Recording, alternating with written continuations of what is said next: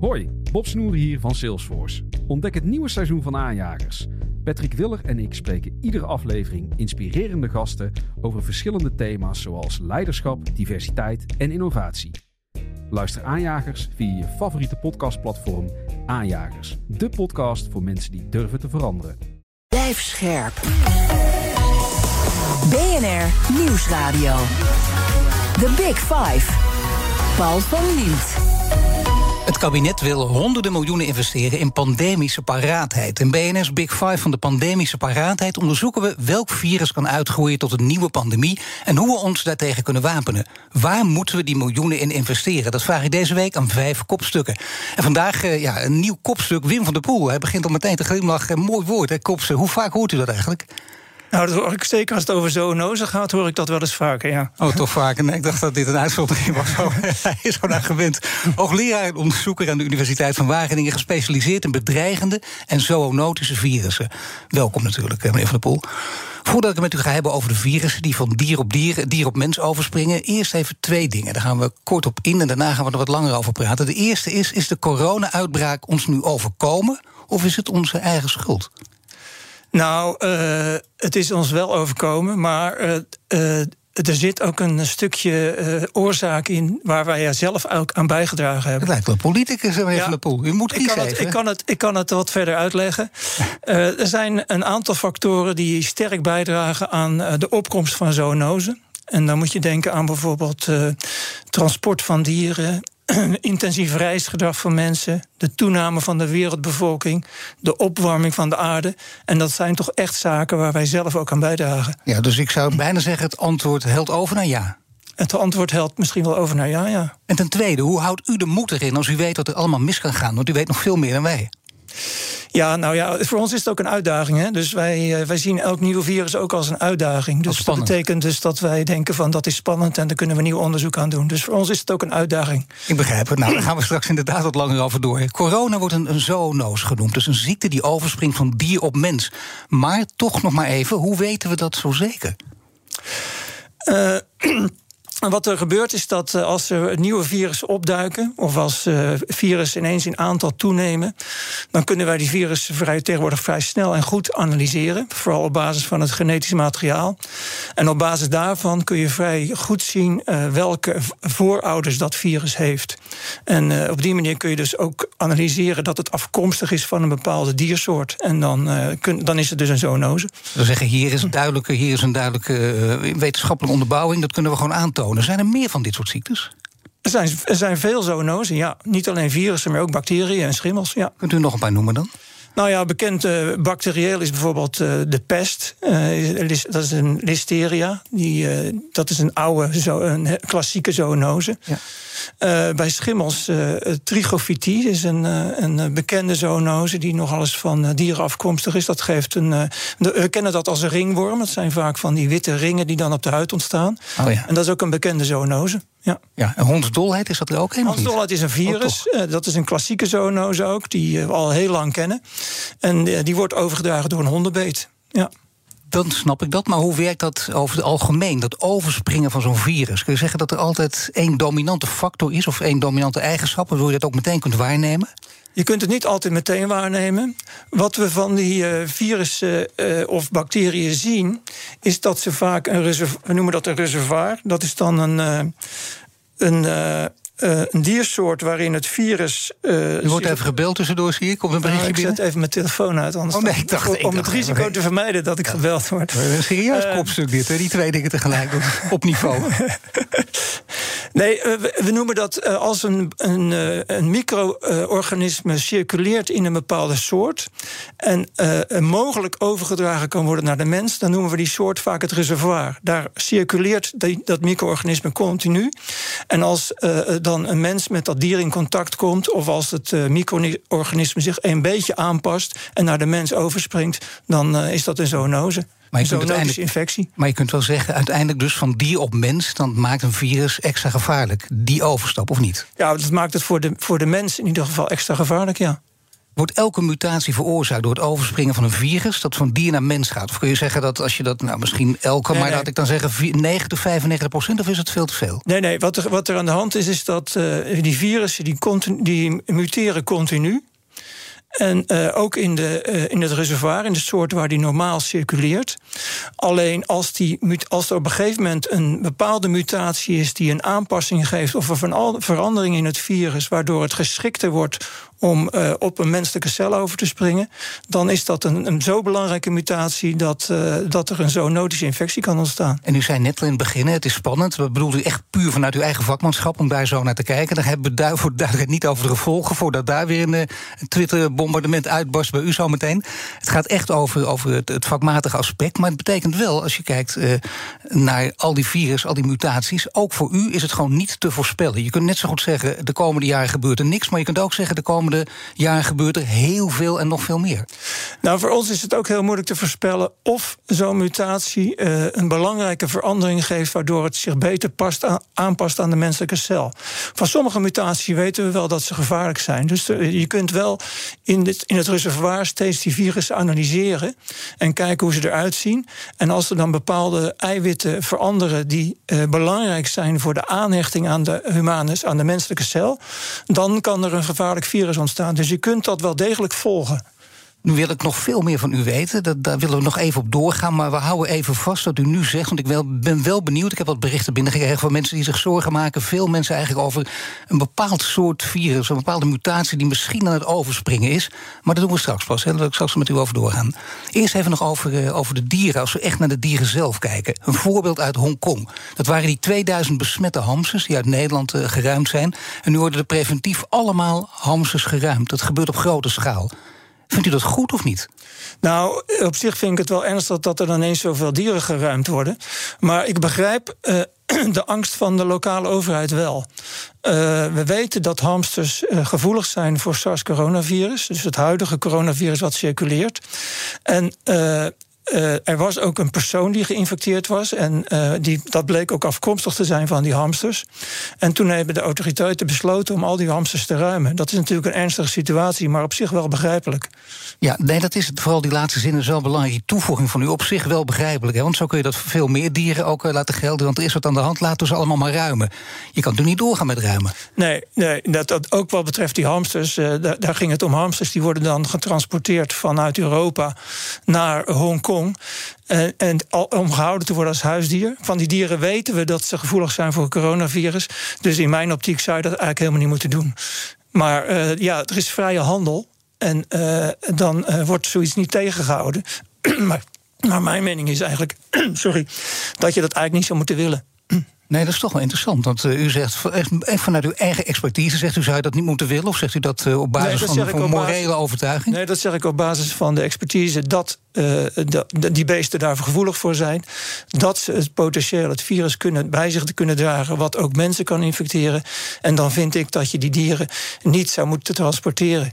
Nou, Nee. Over zo'n grote afstand. Die zou je eigenlijk alleen eh, lokaal moeten fokken en ook lo- lokaal moeten houden. Dan is het risico veel kleiner. Stel je- dat u nou in de boord van zo'n bedrijf zat, dat natuurlijk heel erg gebaat is bij die handel, zou u toch zeggen: luister even, een tegengeluid is van belang. Ik zeg, zou zeggen: niet doen, ook al gaat het ten koste van de handel.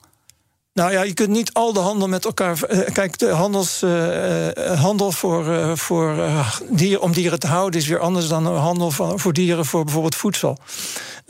Maar ik ben in zijn algemeenheid voorstander van zo min mogelijk levende dieren transporteren.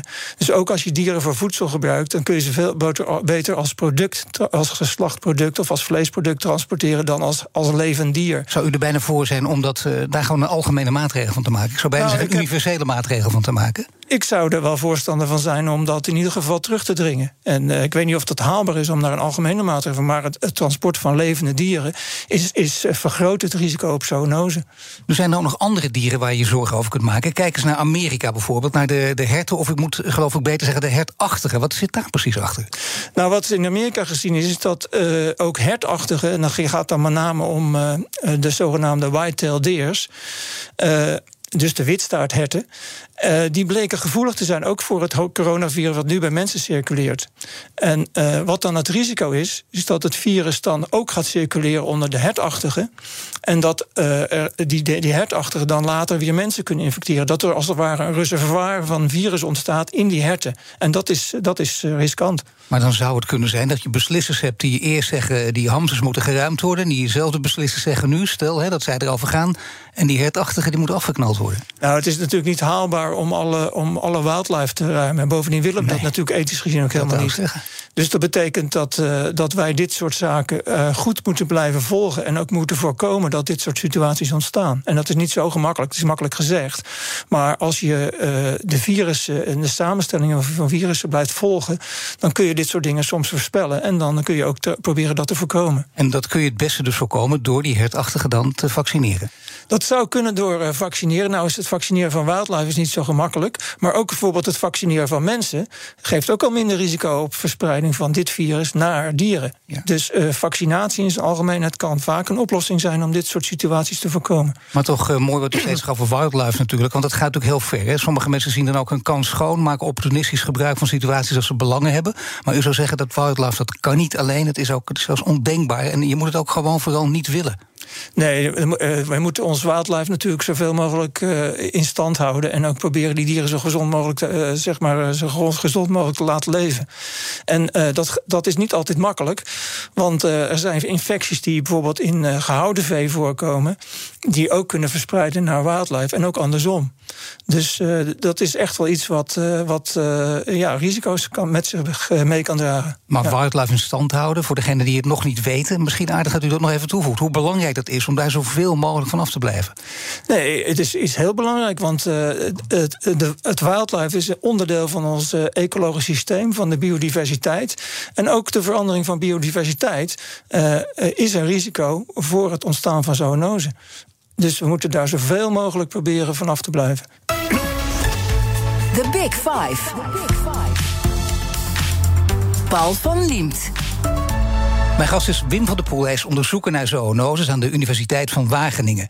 Als we kijken naar de huisdieren, als we kijken naar de omgang zelfs met dieren, beginnen met de huisdieren. Zijn huisdieren, kun je zeggen dat huisdieren meestal gevaarlijk zijn? Nou, huisdieren zijn meestal niet gevaarlijk, maar huisdieren kunnen in principe ook zoonoses veroorzaken. Dus dat betekent dat ook als je uh, een huisdier hebt, dat je er rekening moet houden, mee moet houden dat een bepaalde infectie van dat huisdier afkomstig kan zijn. Ik noemde net bijvoorbeeld al uh, uh, dat is een schimmel.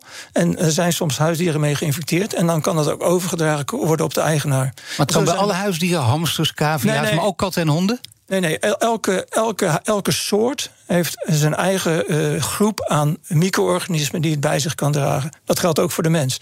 En uh, bepaalde dieren hebben bepaalde micro-organismen. En sommige van die micro-organismen kunnen zoonosen zijn. Dus kunnen overgedragen worden van dier naar mens. En je weet dat nooit, dan is er toch voorzichtigheid geboden. Wat, wat kun je het beste doen? Wat zijn dan goede oplossingen? Nou, in zijn algemeenheid, bijvoorbeeld met als je dieren houdt, of als je naar bijvoorbeeld een, een kinderboerderij gaat, in zijn algemeenheid is het verstandig dat als je met dieren omgaat, dat je dan ook regelmatig je handen wast en, en, en alles wat uh, met dat dier in contact komt uh, ook schoonmaakt. Maar ik zou mensen zeker niet aanraden om hun hond nooit meer te knuffelen of om de kat nooit meer te aaien. Maar op het moment dat je. Uh, maar ik zou ze wel aanraden om regelmatig ook handen te wassen. En als je corona hebt, als je zelf corona hebt, kun je dan gewoon met je kat knuffelen? Nou, het is zo dat, uh, daar hebben we een onderzoek naar gedaan. van hoeveel uh, katten er in Nederland geïnfecteerd kunnen worden met corona. En die katten blijken wel gevoelig te zijn. En er blijken ook een aantal van de katten, een, een, laag percentage, geïnfecteerd te worden met de corona. Dus dat betekent dat als je een kat hebt, dat je in principe het virus naar de kat kunt overdragen. En uh, uh, dat, dat dus je dus mee rekening moeten houden. Katten worden er in het algemeen niet ziek van. En er zijn ook geen gevallen bekend dat het virus van een kat ineens bij een, via een kat bij een gezin binnengekomen is. Nee. Maar het is wel degelijk mogelijk dat de kat met coronavirus wordt geïnfecteerd. Maar als je zegt, uh, je, je hebt zelf geen corona, dan kun je zeggen, kun je met een gerust hart, als je een beetje oplet, je handen was na afloop, kun je gewoon een hond aaien, de kat knuffelen, niets aan de hand. Ik zou uh, mensen uh, dat in ieder geval aanraden. Was regelmatig je handen. Maar beschouw de kat niet als gevaarlijk en de hond ook niet. Maar beschouw ze gewoon als een gezinslid. Wat net als andere gezinsleden ook corona ja, kan krijgen. U begint helemaal te glimmen, maar ja. uh, dat, dat, zou er bijna op duiden dat u een huis heeft vol huisdieren. Maar is geloof ik nee, nee, niet het geval. Het is niet het, het, is niet het geval. Nee. Maar nou ja, huisdieren zijn natuurlijk wel heel belangrijk voor mensen. Ik bedoel, het, is niet, het is niet alleen maar een individu. Het is ook iets waar, waar mensen heel veel plezier en levensvreugde uithalen. Dus dat moeten ze ook vooral blijven doen. Nu is er nog iets. Ze halen ook vaak plezier en levensvreugde uit zwerfhondjes. Want die gaat het niet goed en die wil je dan helpen. Die komen uit Marokko, die komen uit Oost-Europa. Wat is daar precies mee aan de hand? Nou, dat vind ik wel een gevaarlijke situatie. Want uh, wat er aan de hand is, is dat in landen als Marokko... en ook in meer Afrikaanse landen... kunnen honden geïnfecteerd zijn met het hondsdolheidvirus. En uh, zijn, zijn vaak zwerfhonden die ook niet gevaccineerd zijn. Dus als je zo'n hond meeneemt naar Europa, dan is die potentieel geïnfecteerd met het hondsdolheidsvirus. En dan kan je dan introduceren in Europa, wat verder vrij. Europa is verder vrij van hondsdolheidsvirus. Dus dat is wel iets riskant. Dat, dat moeten mensen zeker niet doen. Nee, dat zou een grote waarschuwing moeten zijn. Ja. U nu afgeeft, ja. maar die mag wel wat, uh, wat ja. wijdverbreid nee, worden. Nee, dat, dat, moeten mensen niet doen. En als ze een hond willen importeren, dan kan dat wel. Maar dan uh, is het verplicht dat zijn hond gevaccineerd wordt. En dan uh, weten we ook dat hij niet hondsdolheidsvirus bij zich kan dragen. Nou ben ik blij met de gast als u over zoonoses. U weet er echt alles van. Je kunt ook alles vragen. Dat is heel prettig, zeker voor de komende tijd die wij nog met elkaar hier zitten. Ik denk alleen ook, aan de andere kant hoor je steeds... juist van wetenschappers die steeds meer weten... dat we eigenlijk niets weten. Dat horen we deze hele periode ook. We weten steeds meer, dat is goed, maar we weten nog heel veel niet. Hoe zit het met zoonoses, met het overdragen van virussen van, van, van dier op mens? Weten we daar ook steeds minder van? Of zegt u nou, we hebben nou bijna de sleutel in handen?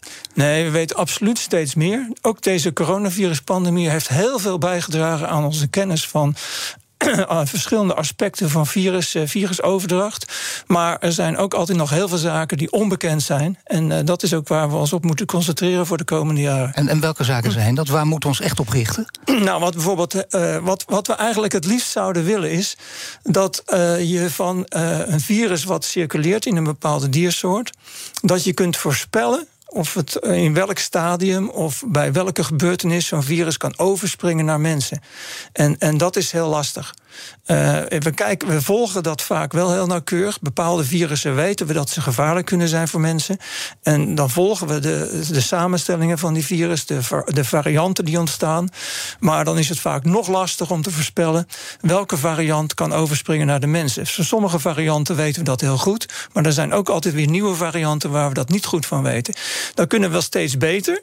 Maar uh, daar is nog veel, veel te winnen. Dat is wel een belangrijke, niet voor niets dat u die niet noemt. Ik heb in het begin ook gezegd, het kabinet heeft honderden miljoenen uh, ter beschikking gesteld... om die pandemische paraatheid uh, ook uh, echt serieus te nemen. Denkt u dat een deel van dat geld naar dit onderzoek toe zou moeten? Ik denk zeker dat een deel van dat geld naar dit onderzoek zou moeten. Dat is logisch, dat, denk, dat, maar u, moet denk, even, u moet eerlijk zijn. Hè? Ik denk, dat, dat willen ander, iedereen wil geld hebben. Is het echt zo belangrijk? Ja, dat is echt heel belangrijk. Dat we, dat we van alles, dat we zoveel mogelijk van virussen waarvan we weten... dat ze potentieel in varianten kunnen veranderen... dat we die goed volgen in de diersoorten waarin ze circuleren. En als we dat goed volgen, dan kunnen we ook zien welke nieuwe varianten ontstaan. En kunnen we ook uh, veel beter in kaart brengen welke delen van het virus belangrijk zijn voor uh, die jump naar een andere diersoort of naar de mens. Ja, maar is dat in een top 10 als je kijkt wat er allemaal moet gebeuren, waar het geld allemaal naartoe kan? Dan zegt u, dit staat er heel hoog in, want dit is echt je, je beschermen ook voor de toekomst? Nou, dit, dit is, dit is iets wat, uh, wat direct veel kennis levert. Maar er zijn, als je naar de preventie kijkt, zijn er natuurlijk ook nog heel veel andere zaken die je kunt doen. Hè, die, ook op veel, die, op, die waarschijnlijk op veel langere termijn ook effect kunnen, kunnen geven. En dan denk ik bijvoorbeeld uh, het verlies van die biodiversiteit waar we mee te maken hebben. De opwarming van de aarde. Uh, dat, dat, geeft ook meer risico van zoonose. Klimaatverandering. Klimaatverandering. Omdat uh, zoonosen worden ook nog alles overgedragen door insecten. En als, de, als er opwarming is van de aarde, dan verandert het verspreidingsgebied van de insecten. En dan verandert ook uh, de competentie van insecten om virussen over te dragen. En dat heeft allemaal effect voor, voor het ontstaan van zoonosen. Dus ook die klimaatverandering, het verlies van biodiversiteit, dat zijn echt zaken waar we aandacht aan moeten besteden. Maar dan nog is het bijna altijd een verrassing als een virus overspringt. Althans, dat zei Roel Coutinho hier gisteren. Ook ja. niet tenminste. Ja, nee, dat is helemaal waar wat hij zegt. Uh, uiteindelijk is het vaak toch nog weer een verrassing welk virus overspringt. Uh, van sommige virussen hebben we het echt heel goed in kaart van hoe de veranderingen verlopen. Van het coronavirus hebben we nu de nieuwe varianten ook al vrij snel in de kaart, omdat we dat heel goed kunnen analyseren nu. Maar er zijn andere virussen die voorheen bijvoorbeeld helemaal geen zoonose gaven, die dan ineens blijken toch een, zoonose, zoonotische potentie te kunnen krijgen. Dat is, was ook zo bij coronavirus. Tien jaar geleden waren coronavirussen eigenlijk helemaal niet uh, gezien als uh, zoonose. Maar daarna hebben we SARS-1 gehad. We hebben MERS gehad. Dat is een, uh, in het Midden-Oosten, wat ook een luchtwegvirus is. Die bleken ineens zoonotisch te zijn. Dus ondanks uw dus... grote kennis en, en de kennis van uw collega's... heeft Coutinho gelijk. En, en, voor u is het ook nog steeds een verrassing... wat er de komende jaren staat te gebeuren. Ja, en nou, dat is natuurlijk wel een, een uitdaging... Om, om te zorgen dat die verrassing steeds kleiner wordt. Dat wij steeds meer inzicht krijgen... dat we in veel mindere mate verrast worden. Uh, sommige zijn, wat ik al zei, sommige virussen hebben heel goed in kaart, maar er zullen altijd virussen blijven die toch weer een verrassende jump maken. U weet het, in BNS Big Five stellen uh, mijn gasten elkaar uh, via de kettingvraag een vraag. Eén vraag heeft u al een beetje gekregen, maar in de vorige aflevering was hier dus oud EVM-directeur Hulko Coutinho. En die had nog een andere vraag voor u, namelijk deze vraag. Nou, wat mij eh, altijd verbaast is waarom die vleerbuizen nou eigenlijk zo'n belangrijke bron zijn. En eigenlijk weet ik dat niet precies. En ik heb er nooit ook een echt een overtuigend verhaal. Dus als hij zou kunnen uitleggen waarom dat nou precies die vleermuizen zijn waar we steeds mee te maken hebben, dan zou ik dat wel heel nuttig vinden. Nou, kijk eens eventjes. De vleermuizen. Ja, de vleermuizen zijn bekend als uh, bron of uh, zeg maar oorsprong van een aantal zoonotische virussen. En dat is inderdaad uh, uh, belangrijk om uh, te onderkennen. maar we moeten wel daarbij beseffen dat als wij spreken van vleermuizen, dan praten we over een orde die ongeveer 1200 verschillende soorten kent. Dus uh, dat betekent dus als je praat over in één adem over vleermuizen, zijn dat heel veel verschillende soorten. Dat is net hetzelfde als dat je zegt bijvoorbeeld de knaagdieren. Dat zijn heel veel verschillende soorten. En ook de knaagdieren, ook bij de knaagdieren zijn ook heel veel, over al die verschillende soorten veel zoonozen bekend. Dus dat is één aspect. Het zijn heel veel verschillende uh, soorten. Het andere aspect is dat we wel denken dat eh, vleeren, eh, die verschillende soorten vleermuizen ook meer virussen huisvesten. En uh, de belangrijkste uh, argumenta of de belangrijkste reden daarvoor uh, wordt bij onderzoekers gegeven uh, als zijnde uh, het, het feit dat vleermuizen een winterslaap doormaken en daardoor een heel anders immuunsysteem hebben, waarbij ze toleranter zijn ten aanzien van veel virussen. Ook dat nog. En die blijven die virus dus gewoon blij, bij zich bij zich dragen, zonder dat ze daar zelf ziek van worden.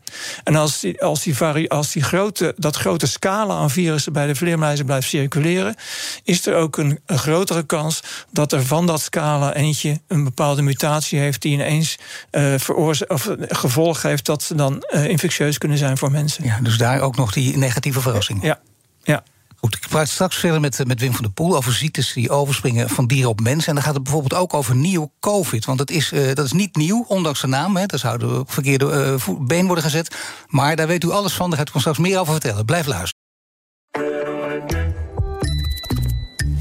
Het Eneco Klimaatreport van deze week komt uit Amsterdam. Ik ben Pascal en ik sta hier met de oprichter van Wikkelhuis op de werkplaats. Oep, wat zie ik hier? Ja, je ziet allemaal huisjes. En welke rol speelt energie-efficiëntie in jullie ontwerp- en bouwproces? We bouwen alleen maar met hernieuwbare materialen. Maar het leukste is dat we eigenlijk uh, zonne-energie gebruiken voor onze elektriciteit. We hebben duizend zonnepanelen op ons dak van de werkplaats. Duizend zonnepanelen, dat zijn er een hoop. Ik kan me voorstellen dat er veel stroom vanaf komt. Ja, er komt een enorme bak met stroom uit. En soms in de zomer is dat ook te veel. En daarom werken we samen met uh, Eneco, met het uh, opwek optimaal systeem. En wat doet dat systeem? Een soort dimmer. Dat als er te veel stroom is, dat je dat zeg maar wat terug reguleert, zodat er geen netcongestie ontstaat. Want dan zou alles vastlopen. Uh, juiste balans op het energienetwerk. Ja, precies. En zo werkt Wikkelhuis samen met Eneco aan klimaatambities. Is het ook iets voor jouw bedrijf? Check dan eneco.nl slash klimaatambities. Blijf scherp. BNR Nieuwsradio. The Big Five. Paul van Liemt. Welkom bij het tweede half uur. Deze week vijf kopstukken over pandemische paraatheid. Morgen praat ik met viroloog Marjolein Kikkert over de lessen van deze pandemie. Te gast is onderzoeker Wim van der Poel van de Universiteit van Wageningen. Komend half uur wil ik in ieder geval nog twee onderwerpen met u bespreken. Namelijk hoe we een volgende uitbraak kunnen voorkomen. En met u wil ik ook praten over de vogelgriep. Daar wil ik ook mee beginnen. Maar eerst over wat ik zojuist aankondigde: Neokov. Want eh, dat is een beetje een verwarrende naam. En daar maken veel mensen zich druk over. Met name omdat het blad Newsweek daar als eerste over schreef. En Newsweek heeft het vaak bij het rechte eind gehad. Daar schijnt iets ergs aan de hand te zijn. Maar eerst even Neokov en die verwarrende naam. Nou, Neokov is een eh, virus wat we al langer kennen. Dat is uh, gevonden bij een vleermuis in Afrika. En uh, dat neo, dat stamt ook van de soortnaam van die vleermuis. Dus niet echt een, een, een het staat niet voor nieuw of zo, maar het staat voor de soortnaam van de vleermuis. Uh, dat virus is een, ruim vijf jaar geleden gezien, gevonden bij die vleermuis en geanalyseerd. En wat er nu dus deze week ge gebeurd is, is dat ook Chinese onderzoekers hebben daar meer onderzoek aan gedaan. Ja. Of hernieuwd onderzoek aan gedaan. Ook speciaal naar het bindings of het gedeelte van het virus wat zich aanhecht op de humane of de menselijke cel. En die hebben daar gezien dat als er een, een enkele mutatie in het virus optreedt, dat dan dat die bindingsregio van het virus, dat eiwit wat uh, bijdraagt aan de binding aan de menselijke cel, dat dat zodanig verandert dat dat dan ook een binding kan veroorzaken. En dat betekent dat zo'n virus dan potentieel uh, zoonotisch, dus potentieel infectieus voor mensen zou kunnen worden. En er zouden dan nog één mutatie verwijderd zijn van uh, dat, dat het overgaat op mensen en dan kan er iets heel ergs gebeuren. Dat is, dat is, wel, dat is wel belangrijk om te weten hoe waarschijnlijk dat is of hoe onwaarschijnlijk. Op een schaal van 10, waar zet u het dan neer? Nou, die, dat, dat is eigenlijk niet in te schatten hoe waarschijnlijk die mutatie kan ontstaan. Bovendien is het zo dat die, dat virus dat circuleert in die vleermuis. En het kan zijn dat dit een mutatie is die normaal gesproken in die vleermuis niet ontstaat. En dat is dus heel moeilijk te voorspellen.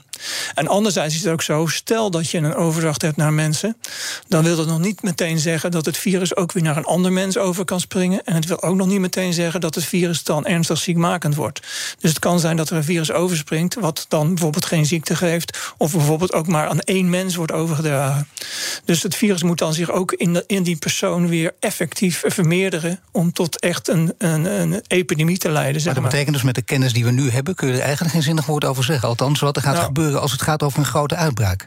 Nou, wat, uh, wat wel belangrijk is om te onderkennen, is dat, uh, dat die uh, mutaties in die regio dus potentieel uh, veranderingen kunnen zijn die dan tot een zoonotisch virus kunnen leiden.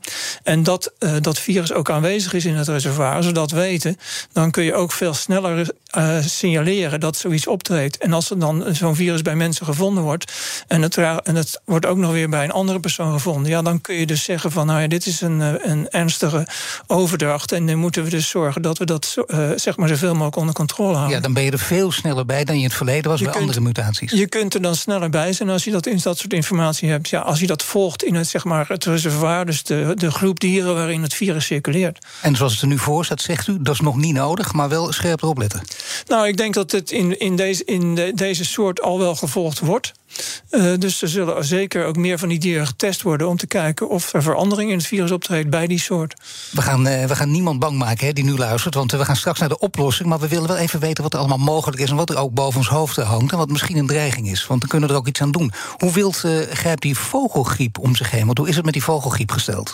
Nou, het is vrij ernstig gesteld met de vogelgriep. Want het grote probleem met de vogelgriep, wat zich op het ogenblik voordoet, is dat de ernstig zieke, ziekmakende varianten, die uh, voorheen eigenlijk alleen maar bij gehouden dieren uh, werden gezien, dat die nu ook circuleren onder de, uh, onder de wilde watervogels.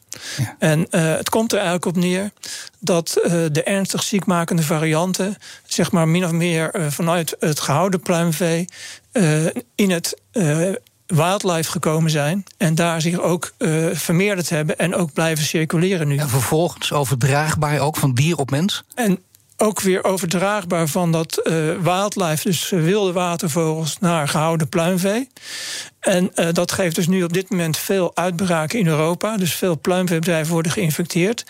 En dit virus is potentieel ook zoonotisch. Nou is deze variant die we nu zien, die lijkt, daar lijken mensen niet heel gevoelig voor te zijn. Maar waakzaamheid is wel geboden. Er is één persoon geweest in het eh, Verenigd Koninkrijk die met dit virus geïnfecteerd werd.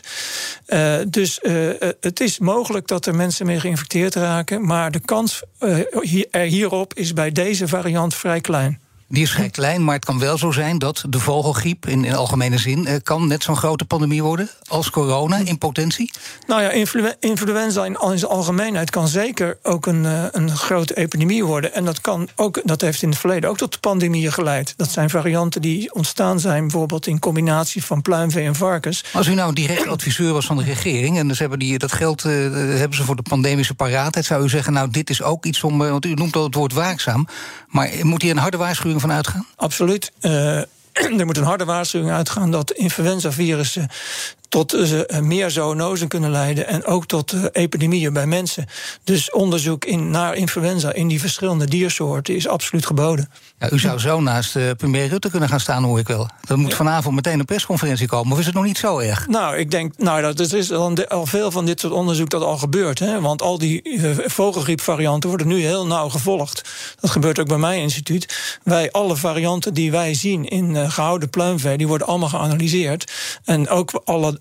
dode watervogels, op alle, heel veel dode watervogels worden ook onderzocht op dit virus. En er wordt gekeken welke varianten voorkomen.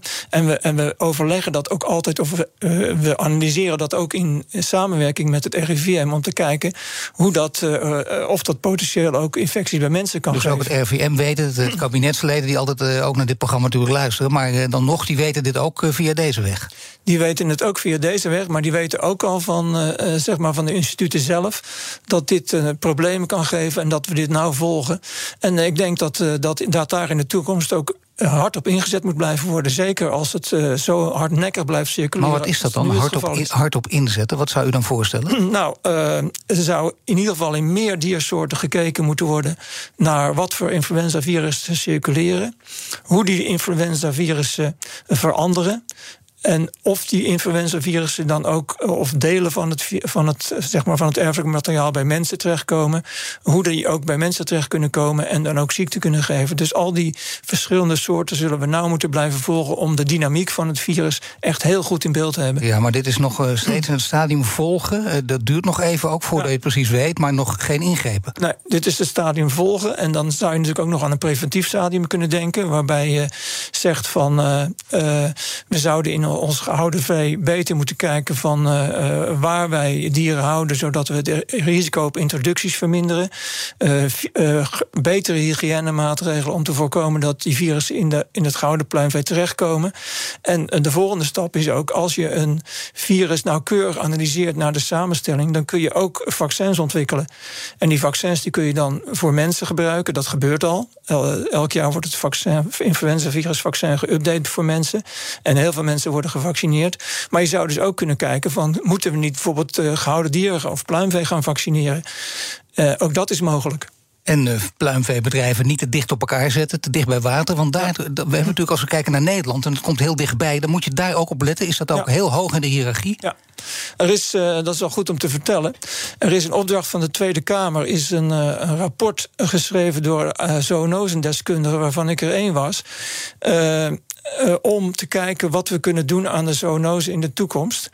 En uh, dat port, rapport heet Zoonose in het vizier. Dat is ook te downloaden van de, van de websites van de ministeries van Volksgezondheid en van Landbouw.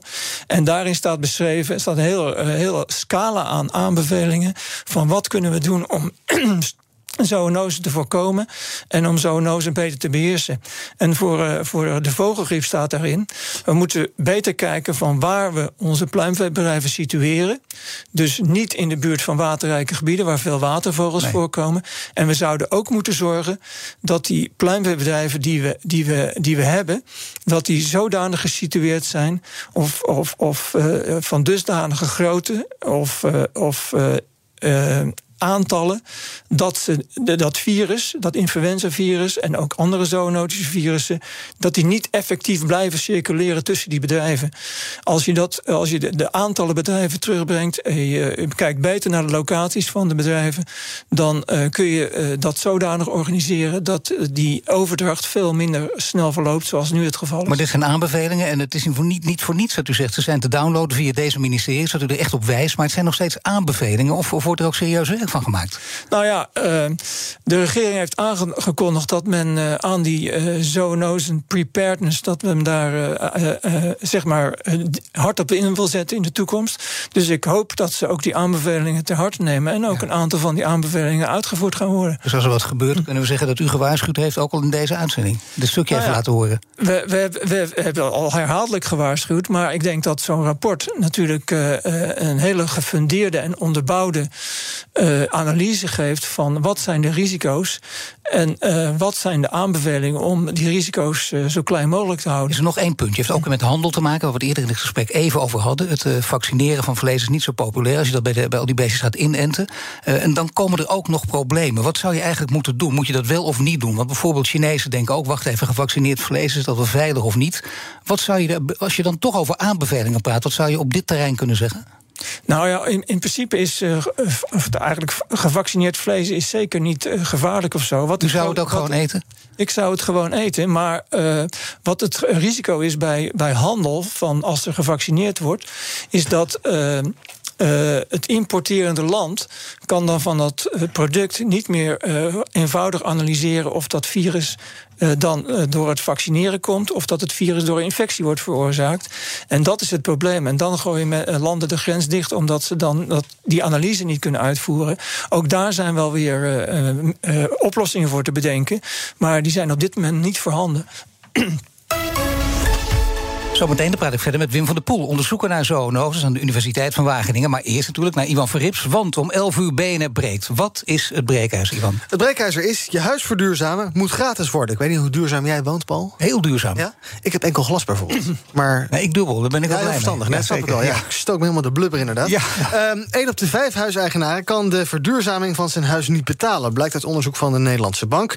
De gemiddelde kosten van zo'n operatie 24.000 euro. Nou, dat moet je maar net op je bankrekening hebben bestaan. Of misschien nog bij kunnen lenen. Maar er zijn allerlei mensen die vallen ja, eigenlijk tussen wal en schip. Zeker jongere uh, huishoudens die uh, niet zoveel verdienen, ja, die hebben een probleem.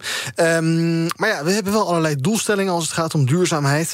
En dus is ons breekijzer vandaag een beetje bout, maar dat is bewust. Um, uh, je huis verduurzamen moet gratis worden. Ik ben dus heel benieuwd hoe onze luisteraars erover denken. Is het een goed idee dat ja, de overheid dat Den Haag bij jou isolatiemateriaal naar binnen komt spuiten en een warmtepomp komt installeren? Of toch niet?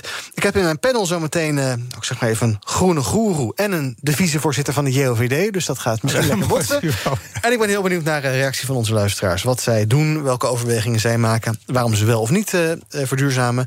Je kan bellen vanaf 11 uur over een kwartier naar 020 468 4x0. 020 468 4x0. En het is nogal uh, een mooi onderwerp inderdaad. Want ja. een bandbreedte tussen niks en 24.000 euro, toch een flink bedrag. Ja, en misschien vind je het überhaupt wel een hele flauw, flauwekul, dat verduurzamen. Ook dan mag je bellen. Mag je ook vertellen. Ja, 020 468 4x0. Zometeen in BNR Breed met Ivan Verrips. BNR Nieuwsradio. Nieuwsradio. The Big Five. Paul van Liemt. Je luistert naar BNS Big Five van de pandemische paraatheid. Eerder deze week sprak ik met oud-RIVM-directeur Roel Coutinho... over eerdere virusuitbraak en zijn kijk op de coronacrisis. Allemaal terug te luisteren via bnr.nl. Mijn gast is Wim van der Poel, onderzoeker naar zoonoses... aan de Universiteit van Wageningen. Ja, we hebben het al over aanbevelingen, we hebben het over mogelijke oplossingen. En we moeten toch even een hiërarchie aanbrengen, eh, meneer Van der Poel. Het raakt helemaal op drift, merk ik ook, de laatste kwartier. Gelukkig ook, hè, want dan zie je ook dat er behoorlijk urgentie bovenop zit. Maar wat zou u bovenaan zetten als het gaat om prioriteiten? Nou, ik vind een heel grote prioriteit de, klimaatverandering, dat we daar iets aan gaan doen. Want uh, die klimaatverandering die heeft heel veel gevolgen voor de biodiversiteit.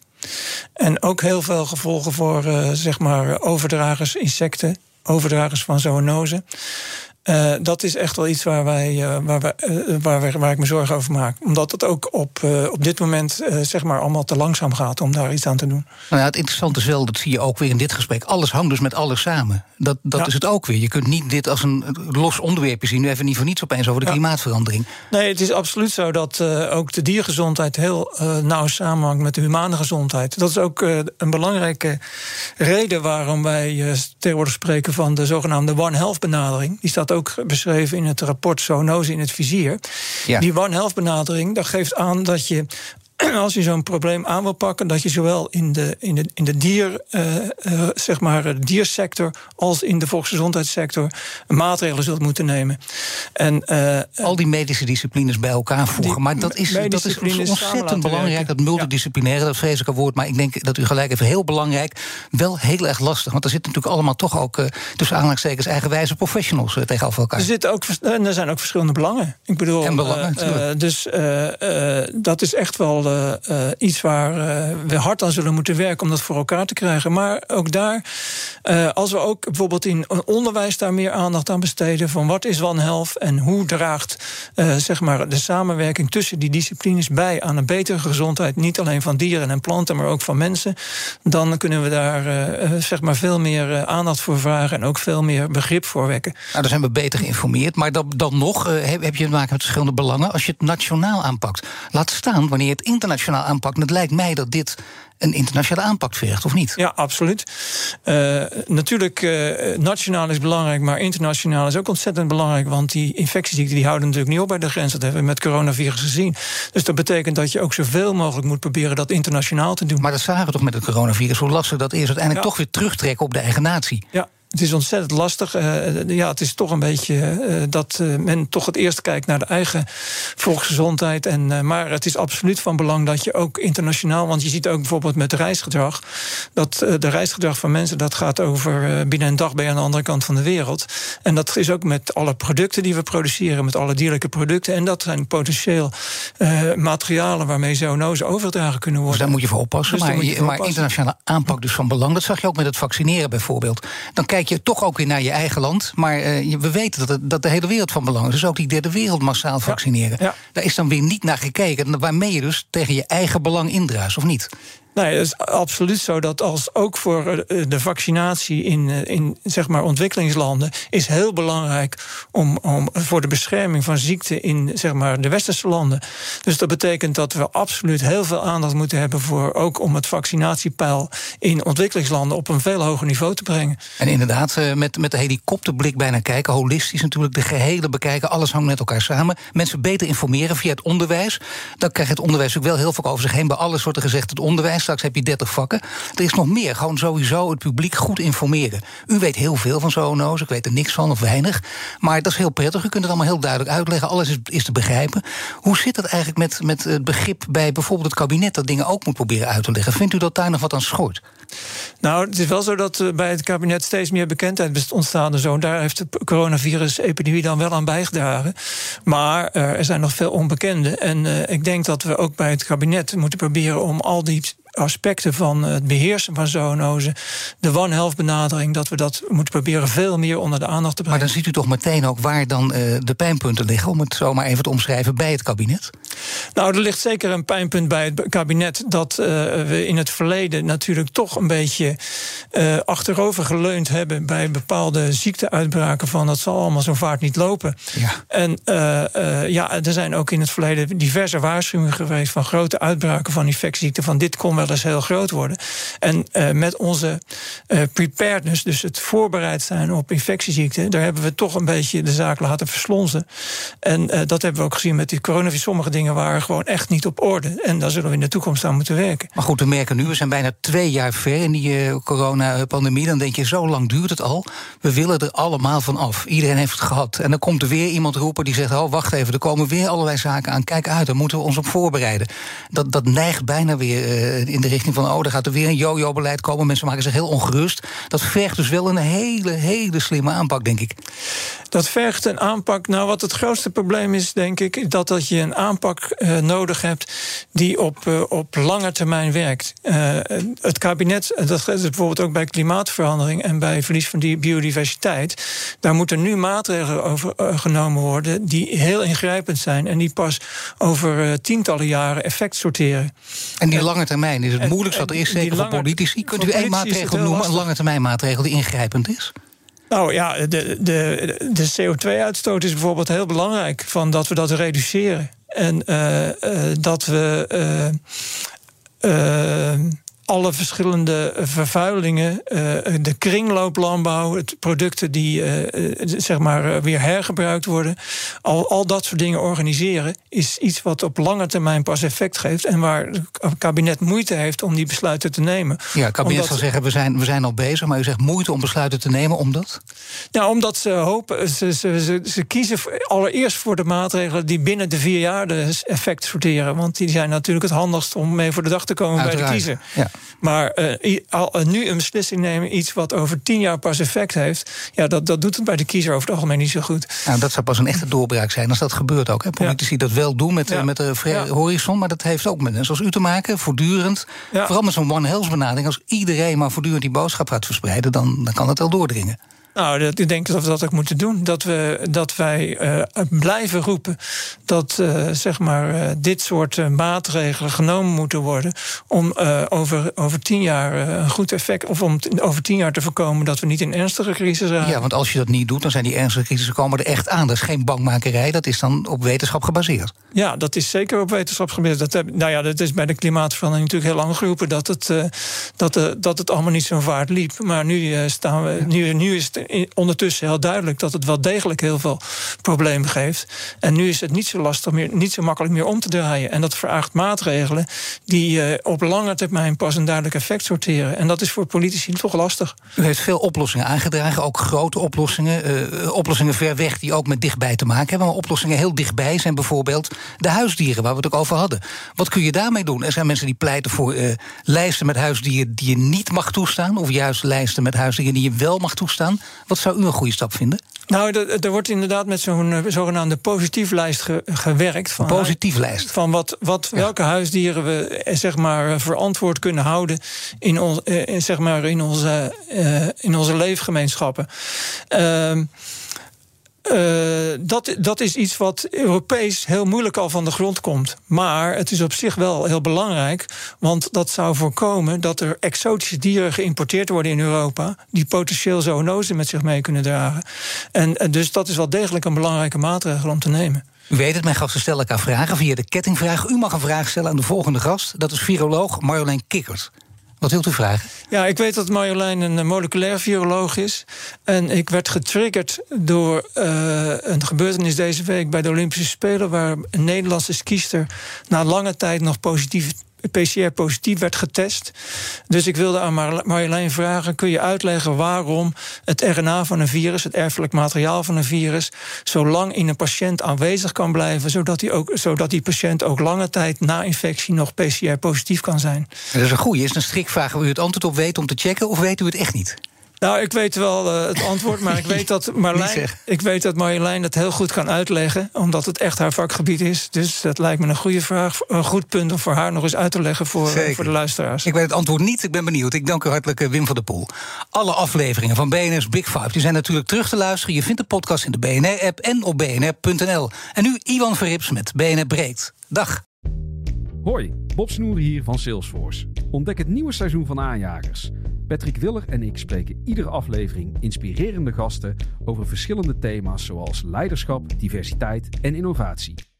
Luister Aanjagers via je favoriete podcastplatform Aanjagers, de podcast voor mensen die durven te veranderen.